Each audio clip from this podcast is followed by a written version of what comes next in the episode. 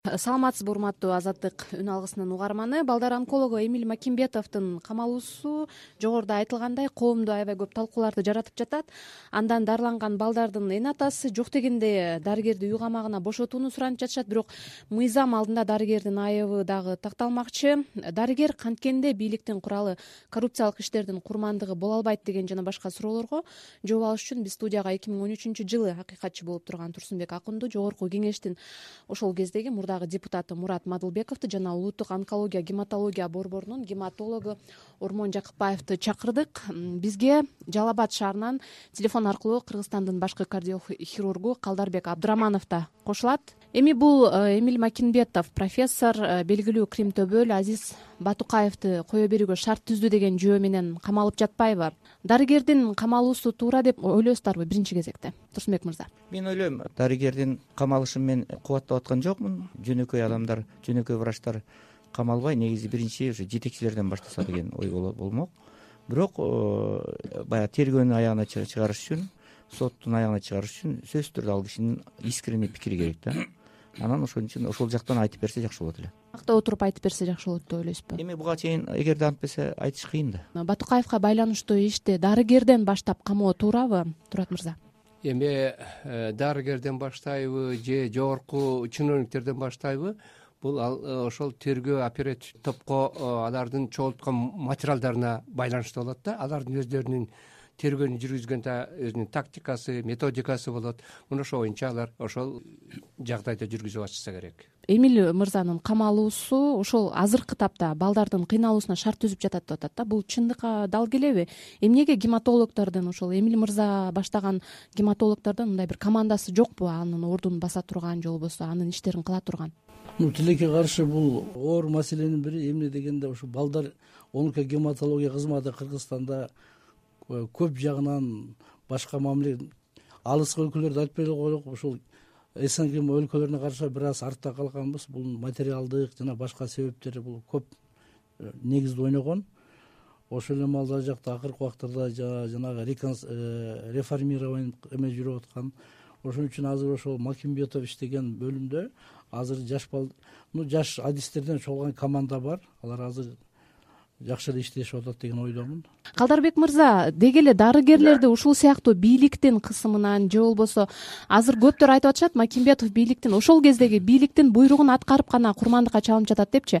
Ушул сыяктуу баягы окуялардан коргош үчүн эмне кылышыбыз керек?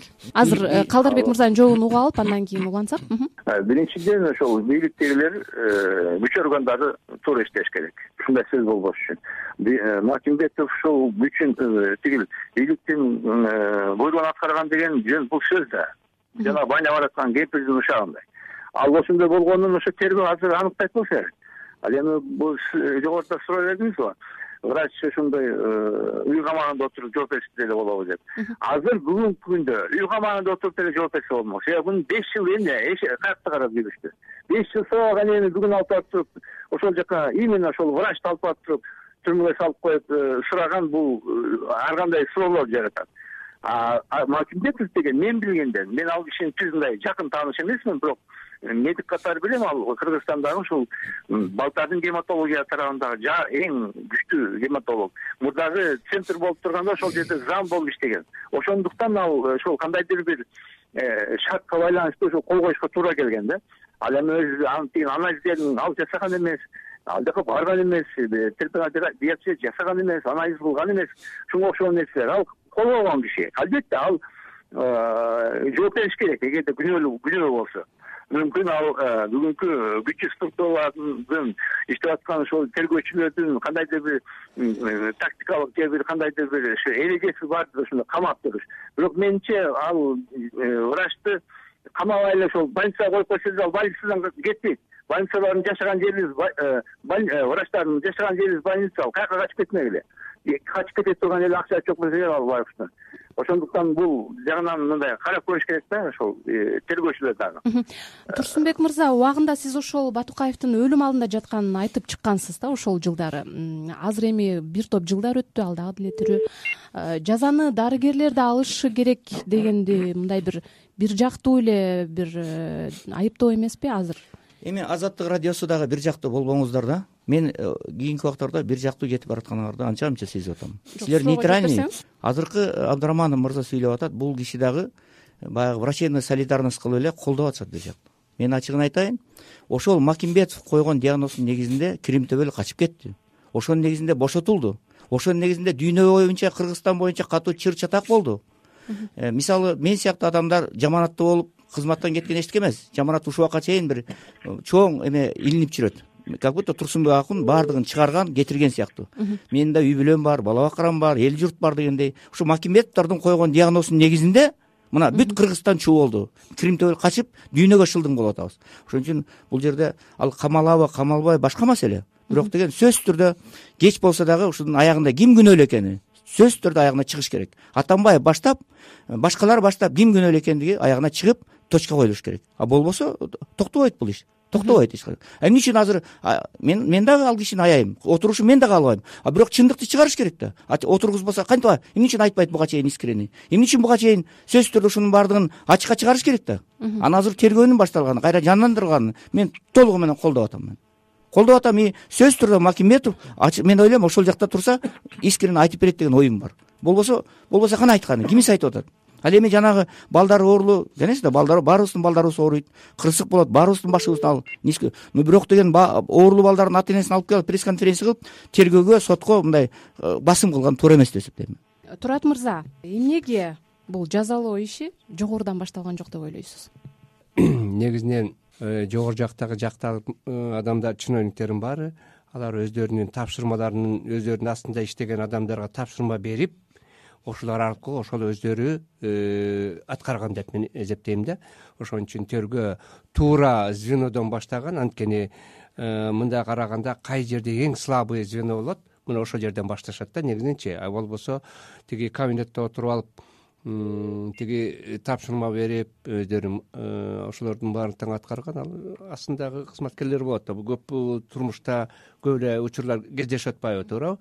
Ошон үчүн мен ойлойм тергөө сөзсүз түрдө эгер макымбетов тергөө менен же берки дагы э, кызматкер э, тергөө менен кызматташа турган болсо э, туура өздөрүнүн көрсөтмөлөрүн бере турган болсо жогору жактан тапшырма болсо мына ошолордун баарын анан кийин бир чогултулган материалдардын негизинде кийин үй камагына кое берип сотко чейин жетип андан кийин дагы кандайдыр бир э, иш чараларды көрүшөт да. Мен ошентип ойлойм жакын арада ошо э, өздөрүнүн негизги акыркы эмесине чейин жеткенге чейин точкасына ошондо барып туруп тиги берки эмелерди дарыгерлерди кое берет болуш керек депчи үй камагына. Пока берки чоң эмеге жетмейи чейин кое бербейт демек бул процесс узакка созулушу мүмкүн турбайбы турсунбек мырза дагы менин айтарым жалгыз эле макимбетов менен соповну камабай. Ошол зав отделение бар главврач бар департаменттин башчысы бар. Ошол кезде министр сагынбаева бар. Ушулардын баардыгын камабаса дагы үй камагына болсо да сураш керек да. Ушулардын баардыгы жооп тартыш керек. Эмне үчүн бир эле кичинекей врач э, тартыш керек. Крайний кылыш керек. Мен ал врачтын камалышына да каршы эмесмин. Бирок жалгыз баардыгы тартсын. Ошон үчүн ошондо чындык чыгат. Раз баштадыбы тергөөнү азыр мына ген прокурор баштады аягына чыгарсын мына аягына чыгып точка койсун. Жалгыз эле турсунбек акун баардыгын чыгарган сыяктуу көрбөсүн. Э, биз эми жалаң эле врачтар жөнүндө сөз кылып атпайбызбы? Бул жерде негизинен уюшулган э, группа бар да бул жердечи топ бар. Башында э, элдин арасында айтылып жүргөн сөз бар. Баягы жогорку кеңештин депутаттары да иликтеп материалды чогултканда да ошондо дагы баягы түстөн түз өздөрүнүн баягы көрсөтмөсүн бербестен алар кыйыр түрүндө айтышкан эмелер бар.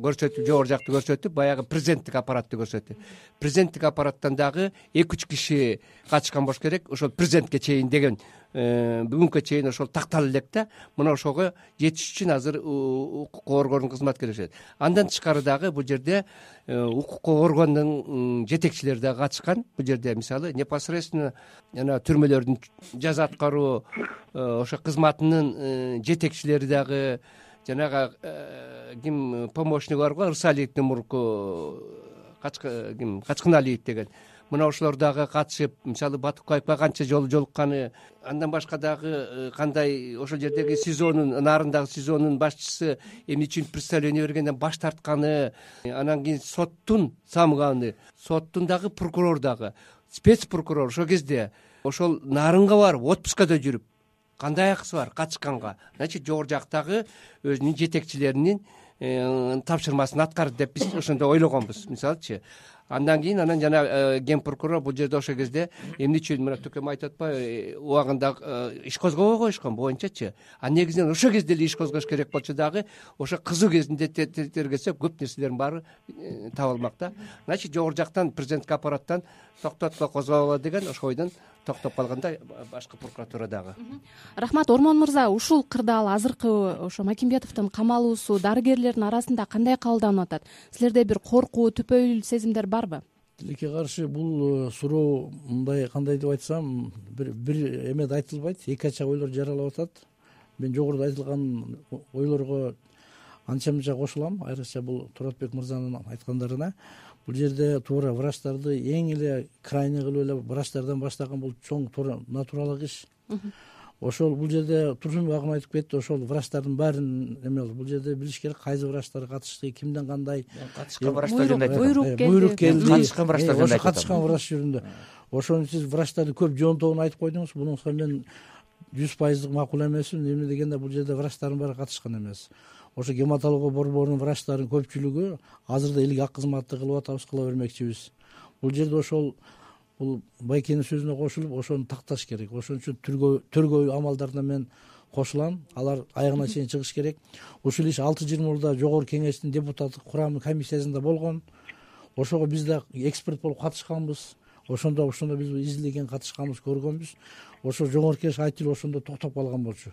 Эч түшүнүксүз себептер менен калдарбек мырза мен жогорудагы суроомду кайра сизге кайталап берейин. Ошол дарыгерлер арасындагы маанайды сиз аябай жакшы билесиз да. Өткөндө дагы дарыгерлер бир топ талкуулашты эле социалдык тармактарданчы. Бул э, бул нерсенин өзү дагы баягы врачтардын иштөөсүнө тоскоол болот депчи. Кандай деп ойлойсуз? Э, дарыгерлерге кандайдыр бир иммунитет болушу керекпи ушундай кырдаалдарда? Дарыгерлерге иммунитетти биз өзүбүз искусственно жасай албайбыз мунун баардыгы ошол жогору жактагы бийлик системанын иштөөсүнө э, жараша болот да. Э, айтып атышпадыбы эми баардыгы эле ушу бийликтегилердин э, же болбосо ошого кандайдыр бир себептер катышкандар баардыгы эле ушул врачтарды күнөөлөп айтышат да. Как будто ошо мындай күнөөсү ошол макимбетовдун жана цолпованын күнөөсү аныкталгандай. Албетте мен врач катары алар күнөөлүү болсо алар жоопко тартылсын эч ким каршы эмес. Бирок түз эле келип туруп ушул врачтарды азыр коомчулукта ушул э, ар бир комментарий могу сиз айтып аткан азыр жогору жактагы сүйлөшүп аткан менин э, э, тигил ушул отурган кишилер дагы айтканда ушул коомчулукта азыр ой келип атат ушу врачтар эле чогулуп үч төрт врач чогулуп эле ушул өтө коркунучтуу тиги кишини чыгарып жибергендей болуп атат да. Бул эми балдарга айтып берсең дагы ишенбейт да. Бул кинодогудай болуп атат да. Анан кантип ушул биз врачтар отуруп алып жөн эле отуруп алып иштей беребиз анан бирөө келип туруп э, бир врачты э, башына бир коюп э, жыгыта коюп кетсе ага врачтар унчугушпайт макул тиги ушу бийликтегилер да унчугушпайт анан ал киши ол депутат болуп отурат. Ушул ошол нерселер анан бизге эмне жакшы таасир бермек эле мен биз дагы жанагы турсунбек мырза айтты биздин дагы балдары бар биз дагы семьябыз бар дейт туура албетте анан биз кантип иштейбиз ал макимбетов деген мен билгенден адис катары өтө күчтүү адис. Анан жанагы мындай айтканда сүйлөгөндө врачтардын э, кылган жумушун билип билбей туруп бир нерсени айткан болбойт. Ушу саясатчылар дагы. Себеби жанагы технология забора анализов аны подсчет кылган киши лабораториялык анализ жасаган киши э, баардыгы ошол препаратты жанагы стеклону сактаган киши ушулардын баардыгы бир определенный технология менен жасалыш керек ошол жанагы э, тиги ошо туруккана э, жана соц системасы ошол системаны эмне деп айтат? Э, адамдарды кармаган. Ошол жерде коллегиально баардыгы четко жасалыш керек эле. Анан аны алып барып туруп бир бирөөнүн сейфине салып коюп элдин баары эле көрүп атпайбы угуп атпайбы. Машинага ак жипе салып алып алып барып врачты алып барып анализ алдырат дейт. Мен билгенден мына мен деле ушул ооруларды карап жүрөм түрмөлөргө барып карап жүрөм. Кыскача сүйлөп алчы эгерде оорулуу ошол анализ тастыкталыш керек болсо аны специализированный учреждениеге алып келип туруп анализ жасаш керек. Тем более миң операция калдырбек мырза азыр турсунбек мырзанын кошчу сөзү бар экен сиздин калдырбек мырза ошону жасалган эмес да. Анан кийин келип эле акырында жанагы корутундага жыйынтыкка кол койгон макимбетовду эми албетте эми тергөө үчүн бул керектир ошол киши бир нерсе айтабы дегендей ал мүмкүн ал билбейттир ал вообще эч нерсе билбейттир ага алып келген анализди кол коюп туруп дагы анализди көрсө анан ал диагноз ошондой чыгып атса стеклодо көрүп аткан анализ ошондой чыкса Турсунбек- анан башка анча билбейт эле ал. Турсунбек мырза бул жерден дагы бир суроо ошо соттук медициналык экспертизанын дагы баягы калпсыз мындай бир жетишсиз болгону көрүнүп турат да. Жөнөкөй эле дарыгерди алып барып анализ алдырганынан мен ойлойм мен ойлойм э, калдырбек мырзаны врач катары мен аябай сыйлайм. Э, ал кишинин жөнүндө көп окуп жүрөм. Азыр угуп атам бирок сиз ошо бактыгүл айым э, врачтар жөнүндө баштаган үчүн биз врачтар жөнүндө кеп кылып кеттик. Бирок бул врачтар крайний болуп атат ачыгын айтканда бул нерсеге. Мен ушинтип айтайын бул жерге эң биринчи балык башынан сасыйт деп ошол кездеги президент атамбаев команда бербесе бул иш аткарылмак эмес. Э, эч качан эрматов деген судья алып барып туруп чечим чыгармак эмес. Эч качан тиги э, ирсалиев жанагындай сопровождение кылмак эмес. Эгер атамбаев болбосо. Атамбаевдин ал кезде ал кезде совет оборонаны жетектеп аткан э, табалдиев бусурмакул э, беркутович деген болгон. Кийин гкмбга барды ошол эмгеги үчүн батыкаевди кетирген үчүн. Ошол болбосо бул иш болмок эмес. На- анан жүз миң доллар менен кармалып мени жүз миң доллар менен күнөөлөп жүрүшөт ошонун баарын жасаткан данияр ильич нарымбаев деген бар. Мына ошол кийин кармалды. Вот ошол башкара турсунбек акунга жиберген жана бусурмакул чалдырган мага турсунбек акунга баргыла айттыргыла деп. Ошол болбосо да болмок. Ошон үчүн бул жерде атамбаев башында турган чиновниктер болбосо анан врачтарды крайний кылды эми бирок врачтарды айтыш керек да. Врачтар айтыш керек да. Ким күнөөлүү эмне үчүн чыгарды диагнозду кандай койду? Ким ага указание берди? Ушулар жөнүндө айтыш керек да. Дарыгердин да этикасы дарыгердин да этикасы бар да. Туура баягы эме гиппократтын антын алышкан. Чындыгын айтыш керек да. Кеп ушундай сөз болуп атат? Мен сиз бир эле жакты күнөөлөйүн дегенден алысмын мен тиги э, тукенин э, сөзүнө кошулуп кетейин кошумча айтып кетейин негизинен врачтардын койгон диагнозун анан бул жерде дагы бул жерде дагы мына аида салянова азыр как невинная козычка болуп атат ачыгын айтып ал ошол кезде генеральный прокурор болуп турган айткан батукаевдин кетишинде эч кандай процессуалдый норма бузулган эмес дейт деп айткан. Азыр эмнени айтып атат мисалы? Мындай кичине байкашыбыз керек да. Мына азыр тиги тукең туура айтып кетти негизинен жанагы врачтардын чыгарган э, жы- жыйынтыгынын негизинде лабораториянын эме болуп атпайбы анализдин негизинде. Анан чыгарып атышат да врач кол коюп берип тергөөчүлөр бул жерден э, байкайт болуш керек. Себеби дегенде э, батукаев биринчиден өтө оор өтө оор кылмыш жасаган адам. Кыргызстандын элинин көзөмөлүндө турган адам. Анткени убагында э, жогорку кеңештин депутаты комитеттин төрагасы ошондой эле жогорку кеңештин жумуш оморов таласбек деген. Анан кийин гсиндин башчысын өлтүрүп атышпайбы. Мына ошого катышкан өтө оор кылмыштуу адамдарды башкы прокуратура дагы гсиндин жетекчиси дагы. Буга өзгөчө көз караш менен караш керек болчу дагы. Анан соттун чыгарган чечими туура эмес болуп атпайбы баардык эмеден жана упкнын негизинде негизинен он күн берилет. А бул ошол өзүнүн чыгарган чечими анан дагы бир пунктту кошуп коет да тез аткарылсын деп мына азыр түз бүгүнкү күндө келип врачтардын жанына алып келип туруп алып келип камаш керек. Мына ошо сот сотто э, чыгарган э, сот э, чечим чыгарган сотто алып келип отургузса ошондо баардык нерсенин баарын айтып берет. Анан кийин гсиндин жанагы качкын алиев деген барган спец прокурор мына ушуларды дагы азыр врачтар менен кошо отургузса анда ошондо жогору жакка чыгабыз биз. Буларды отургузбай туруп биз жогору жакка чыга албайбыз турсунбек мырза сиз ошол маалда акыйкатчы болуп турганда бир топ жолу түрмөгө баргансыз туурабы? Бир топ жолу азиз батукаевдин өзүн да көргөнсүз. Эмес үч эле жолу баргам үч жолу эми үч жолу көргөндө эле мисалы көрбөгөн кишиге караганда көргөн эмесмин мен ал түрмөгө баргам. Түрмөгө барган. аны көргөн эмессизби мындай жок батукаев үчүн барган эмесмин ал жерге түрмөдө ошол жерге жаткандар үчүн барып анан батукаев менен жолугуп жолуккансыз жолукканда сиз бир азыр мисалы э, суталиновдун акыбалын аябай мындай кейиштүү көрсөтүп кейиштүү сүрөттөрүн чыгарып атышат да катуу ооруп атат депчи. Ошол сыяктуу акыбалда беле кандай эле мындай? Сүрөттөп бере аласызбы? Кандай эсиңизде калды мен үч жолу барып жолукканда батукаев эки жолу барганда айткан эч жерим оорубайт эч кандай менде жалоб орусча айткан жалоб жок деген. Ал эми үчүнчү жолу февраль айында барганымда жыйырманчы февральбы жыйырма биринчи февральбы барганымда он үчүнчү жылы барганымда. Ал айткан менин бөйрөгүм ооруп атат эгер эмеге барып дарылансам болот эле деген да.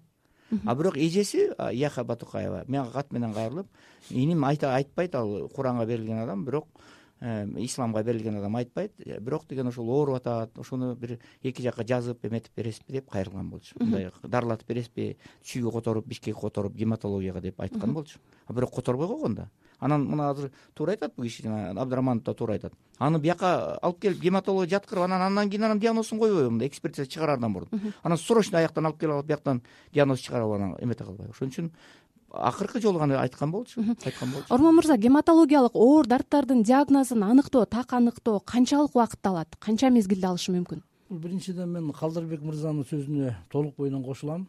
Эми сиздин жүрөгүңүзгө карата бул жерде бул адамга ушундай оор диагноз коюлгандан кийин туура аны бул жака биздин гематология улуттук борбору илимий борбор ушулга адистешилген клиника болгондон кийин ал биздин клиникага келип ошол кайтарууда болуп ошондо диагноз такталыш керек болчу.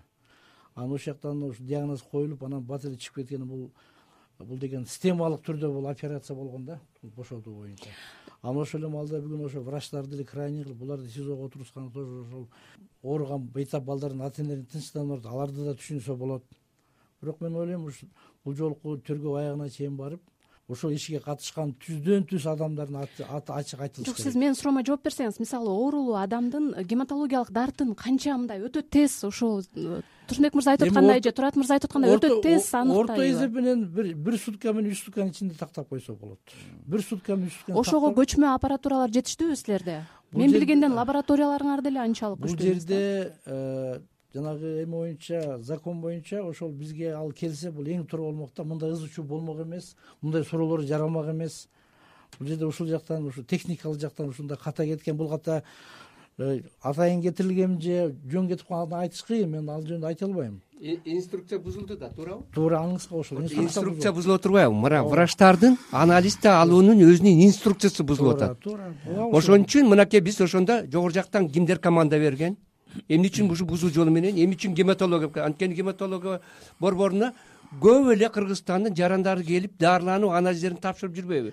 Ошентип эле республика боюнча бизге келишет алып келип кайтарып эле канча деген э, тиги биздин жанагы күнөөкөр адамдардын баарын тең эле э, кайтарып жатышпайбы? Сезонный эмес. Ошого кайтартып келип бияктан анализдерин тапшырып дарылаганга аракет кылыш керек эле дагы туурабы? Анан ага чейин эч кандай дарыланбай турган болсо эле мынакей тукем айтып калыптыр февраль айында э, мен ооруп атам бөйрөгүм деп. Болду анан кийин шарт деп туруп эле анан март айында чыгарып жүрүп атышпайбы дагы мына көрдүңүздөрбү бул жерде жогору жактан бир кишинин дирижердун э, өкмөттү подключать этип өкмөттүн кызматтын жетекчилерин медицина баардыгын подключать этип турган комплексинде ушуга келип туруп анан үч күн ичинде төрт күн ичинде чыгарат паспортун да баардыгын тең бергенден кийин бул көрүнүп эле турат. Эми ошону кудай буюрса мынакей айтам биздеги эгер профессионалдуу оперативдик тергөө тобу түзүлгөн болсо булар аягына чыгат деп мен ишенем. а эгер андай аягына чыкпай калса анда ортондо дагы кандайдыр бир оюндар болуп кеткенин түшүнүп калабыз. мен кошумча айтайын дегем да эге тияктан жанагы соттон бошонгонун уктум уккандан кийин мен ойлодум да биякка келип гематология э, борборунда бир айдай дарыланып процедура баардыгы дарыланып андан кийин анан чеченстанга кетип россияга кетеб деген ой болду да. Анан экинчи бир э, маалыматты биринчи жолу азаттыктан айтайын мен. Мисалы мен э, ошондо баягы турсунбай акын үч күндөн кийин өлөт деп айтты деп атпайбы мисалы аны мен жөн айткан жокмун да ошо мен дагы ветеринарный врачмын да рак крови деген бул деген аябай оор диагноз да. Бул деген бир эле бир топ сааттан кийин эле өлө турган диагноз. Ошон үчүн мен анткени эмне үчүн айттым? Анткени адам укуктары боюнча эл аралык конвенция бар. Конвенцияда ошол жана соттолгондордун камалгандардын укугун коргоо. Ошонун алтымыш алтынчы статьясында жазылып турат. Эгерде кандайдыр бир соттолгон же камалган адамга өлө турган диагноз коюлса аны сөөгүн ошол жерде өлтүрбөй эле туугандарын эртерээк берип коюш керек же чыгарып коюш керек деген жери бар мисалы азыр сталин маселеси.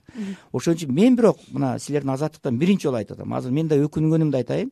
Биринчи жолу мен ошону ошол диагнозго чыгарганда ишенбей туруп эле ишенбей. Как акыйкат чыгат кайрадан бүт кайрылып текшертип. бул текшертип бул туура эмес. Эмне үчүн дагы сегиз жыл калды бору закон болсо эмне үчүн ушуну кыласың дешим керек эле да. Мен ушуларга ишенип алганыма үчүн өкүнөм да рахмат рахмат. Тилекке каршы биздин убактыбыз аягына жетип калды. Биз бүгүн э, балдар онкологу эмиль макинбетовдун камалуусу тууралуу талкууладык. Талкууга мурдагы акыйкатчы турсунбек акун жогорку кеңештин мурдагы депутаты турат мадылбеков жана улуттук онкология гематология борборунун гематологу ормон жакыпаев катышты. Жалал абадтан бизге кыргызстандын башкы кардиохирургу калдарбек абдыраманов да кошулду. Талкууну мен бактыгүл чыныбаева жүргүздүм. Саламатта туруңуздар